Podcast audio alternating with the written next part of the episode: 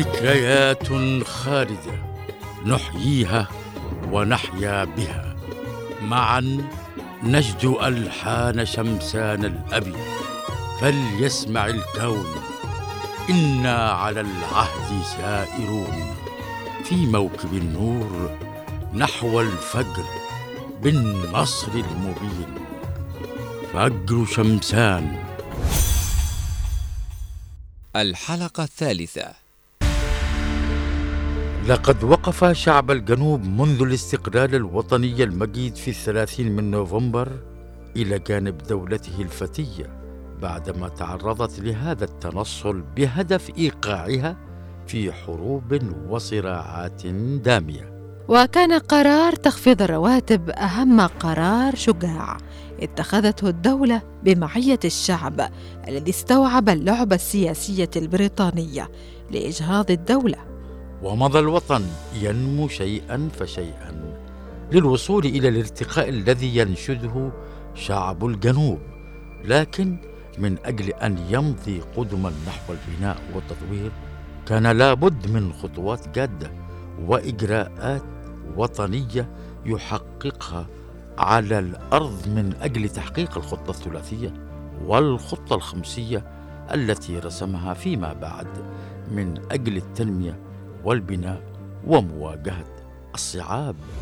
إحنا عملنا وناضلنا إحنا عملنا وناضلنا إحنا عملنا وناضلنا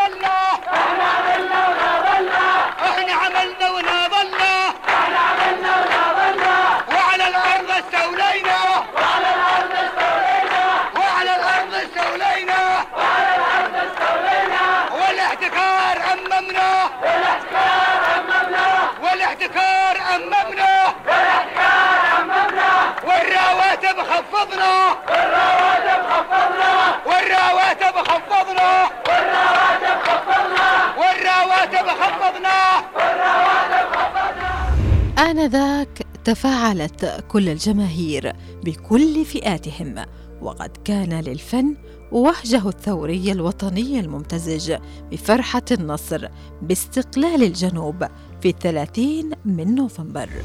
عاش عاش تحالفنا عاش عاش تحالفنا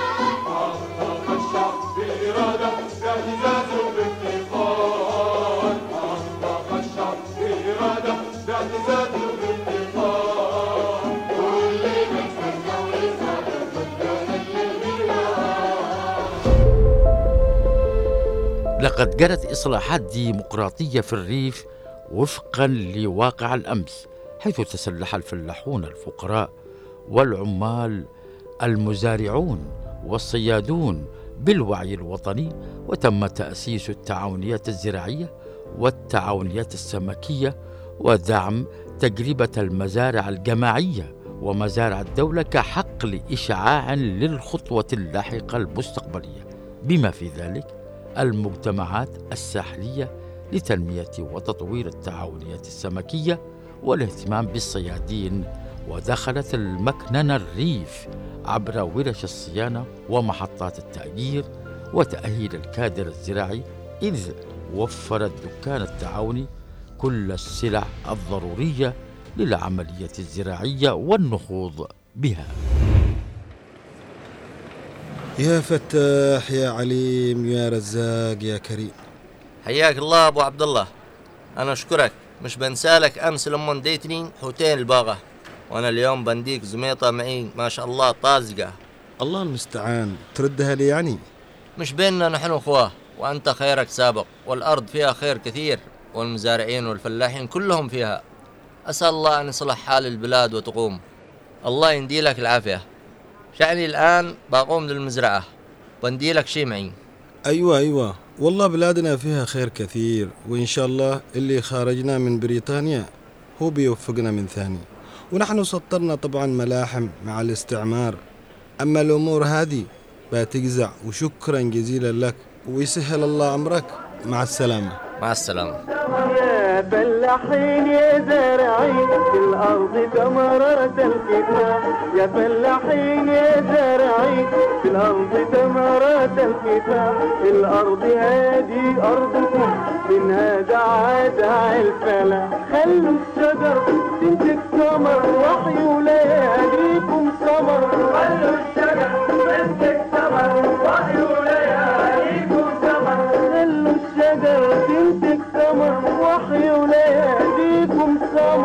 الشجر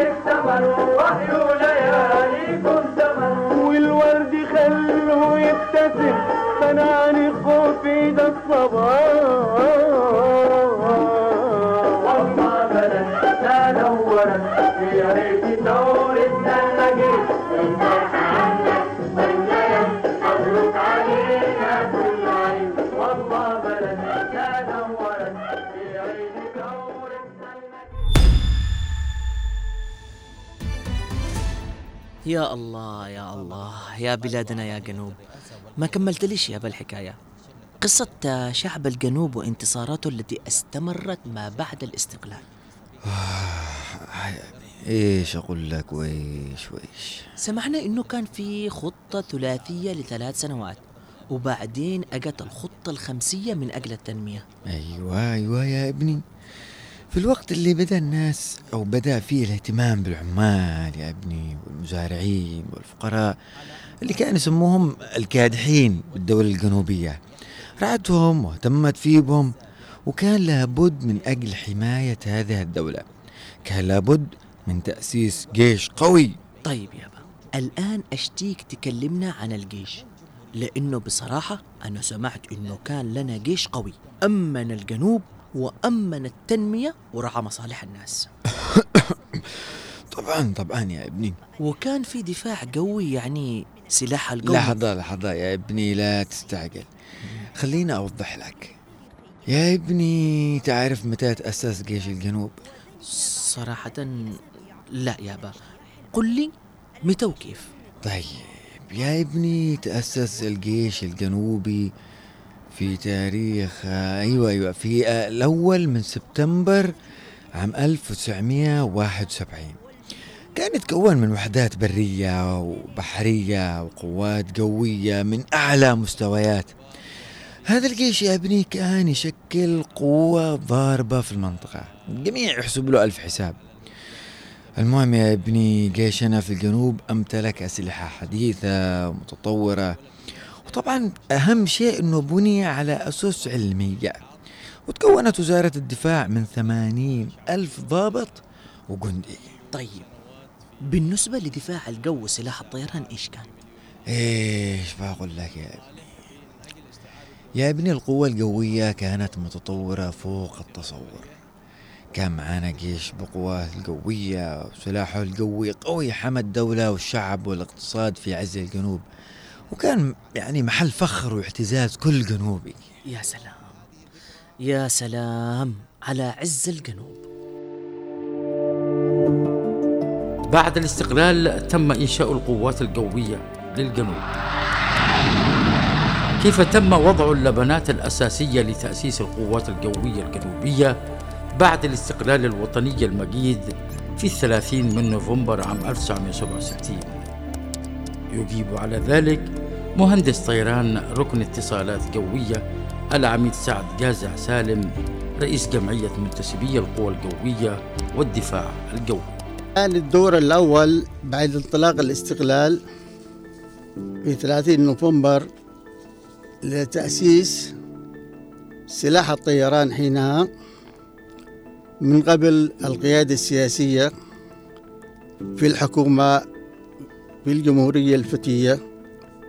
وكانت اللبنات الأولى وضعت على أساس تأسيس سرب مقاتل ومقاتل قاذف لكي ينفذ المهام القتالية للذود عن الحدود البرية والبحرية والجوية لهذه الجمهورية الفتية.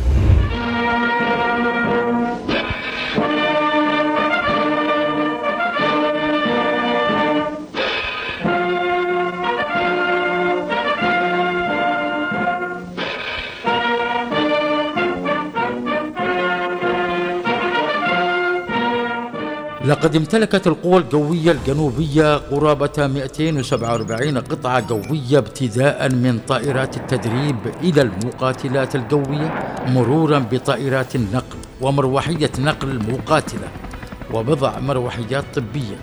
ولقد شكلت طائرات السخوي بمختلف أنواعها نقلة نوعية متميزة في سلاح الجو والقوى الجوية الجنوبية إذ امتلك الجنوب قرابة ثلاثين طائرة من سوخوي سو 22 إضافة إلى أربع طائرات أخرى من طراز سوخوي 22 يو إم 3 في ترسانة القوى الجوية الجنوبية المكونة من 79 طائرة في نطاق الخدمة.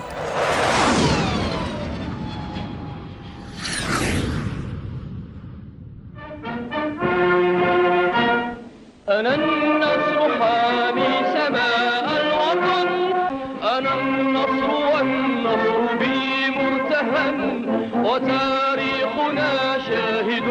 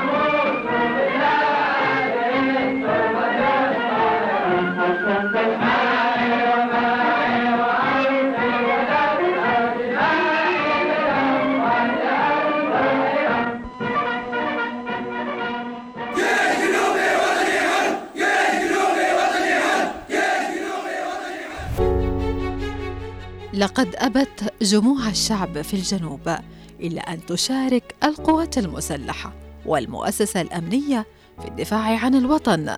ولذلك بدأت عملية تسليحه للدفاع عن ثورته ووطنه في كل محافظات الجنوب لتشكل الرديف الحقيقي للجيش. بالإضافة إلى تأسيس لجان الدفاع الشعبي كنواة للسلطة الشعبية ولإشاعة الديمقراطية في المجتمع.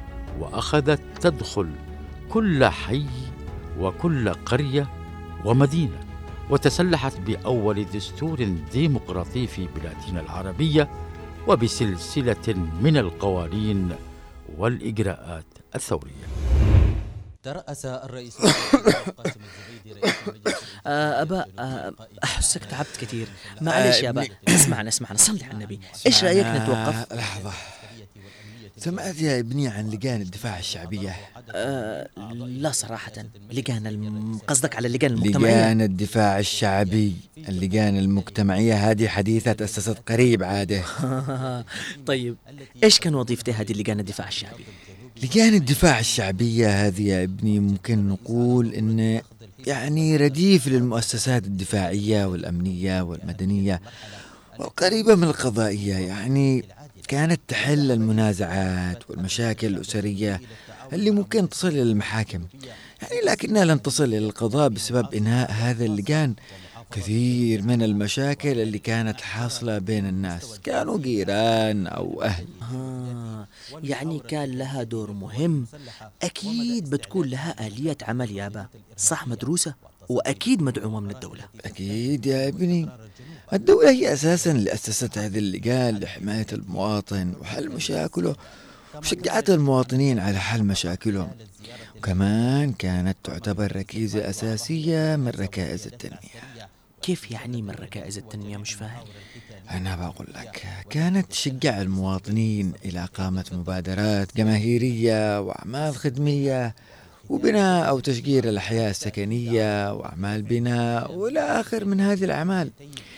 كان كمان لهذه اللجان مقرات رسمية معترف فيه به وكل لجنة في كل حي أو وحدة سكنية يعني تتكون من خمسة أعضاء ومتى تأسست هذه اللجان بالضبط؟ اللجان هذه تأسست عام 1973 كان هذيك الأيام الحماس الشعبي في قمة وهو الوطني. طيب هل هذه اللجان عملها يعني شبيه بعمل اللجان المجتمعية الآن؟ ممكن تقول كذا يا ابني إن اللجان المجتمعية اليوم هي أساسا امتداد للجان الدفاع الشعبي. محاولة لإعادة إحياء عمل لجان الدفاع الشعبي. إن شاء الله يا با يتطور العمل في هذه اللجان المجتمعية. وأملنا بأن يحيى كل عمل جميل. كان زمان سبب في تطور ورقي الجنوب.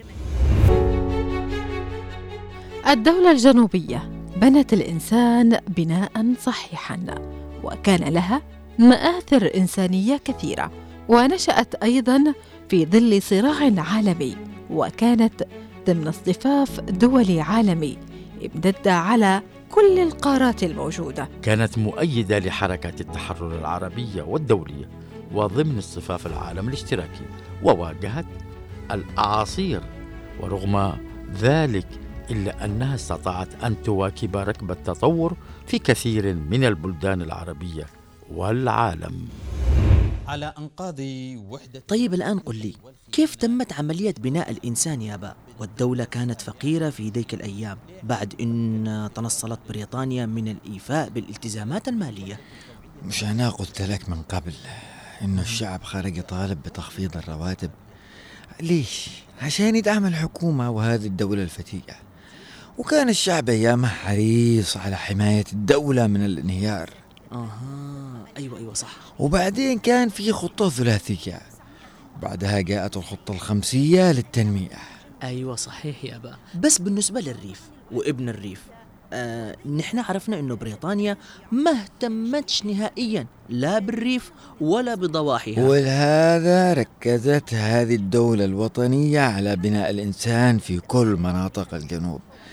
وأعطيك على سبيل المثال البدو الرحل اللي عانوا الأمرين أيام الاستعمار البريطاني في مناطق الأرياف أهم.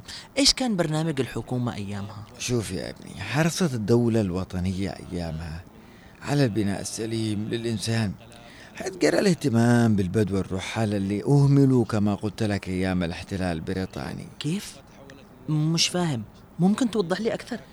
أولا يا ابني تم إنشاء مدارس خاصة لهم لمن بالضبط؟ للبدو الرحل آه. كانت لهم مدارس في محافظات الجنوب الست مطلع السبعينات في القرن الماضي إيش كانت عدد المحافظات ست محافظات؟ أيوة كانت التسمية هكذا المحافظة الأولى هي عدن والثانية لحق والثالثة أبيان والرابعة شبوة والخامسة حضرموت والسادسة اللي هي المهرلة وفين راحت سقطرى؟ ما تخرجناش يا ابني عن الموضوع شوف سقطرى كانت تابعة المحافظة الأولى اللي هي عدن.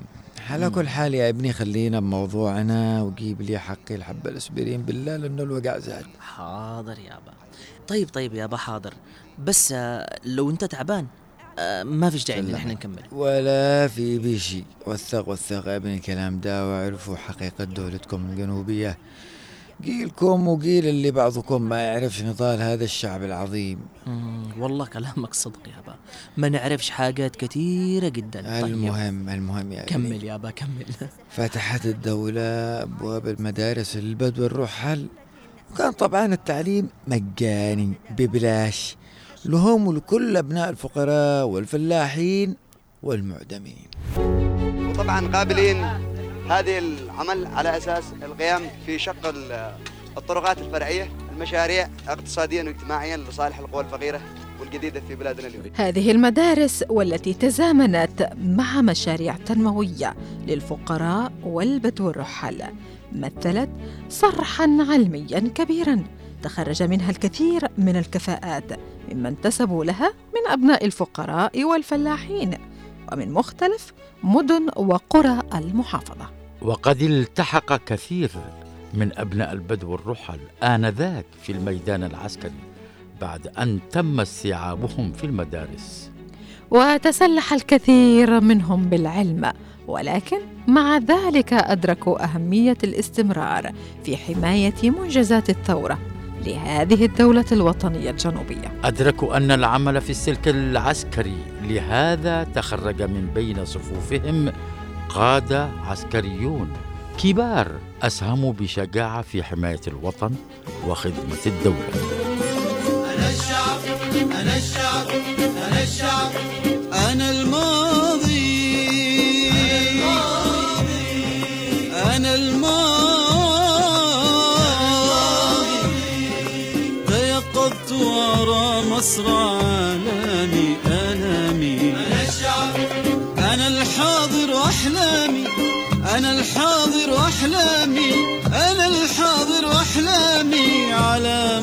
مفرق أيامي أيامي أنا الشعب.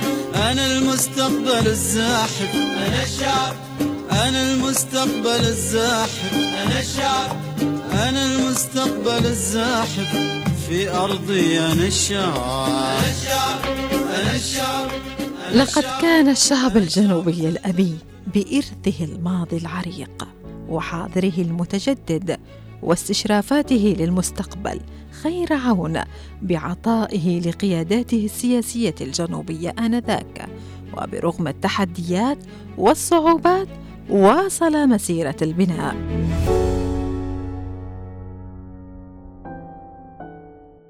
فجر شمسان. تأليف أحمد صالح ربيعة معالجة درامية غسان صلاح. بطولة محمد الديني غسان صلاح أحمد ربيعة. أماني مجمل. تمثيل هاني مليكان محمد باحميل. إشراف مباشر محمد العمودي. إشراف عام عبد العزيز الشيخ. إخراج نوار المدني خالد الشعيبي. هذا العمل خاص لإذاعة هنا عدن اف ام لعام 2023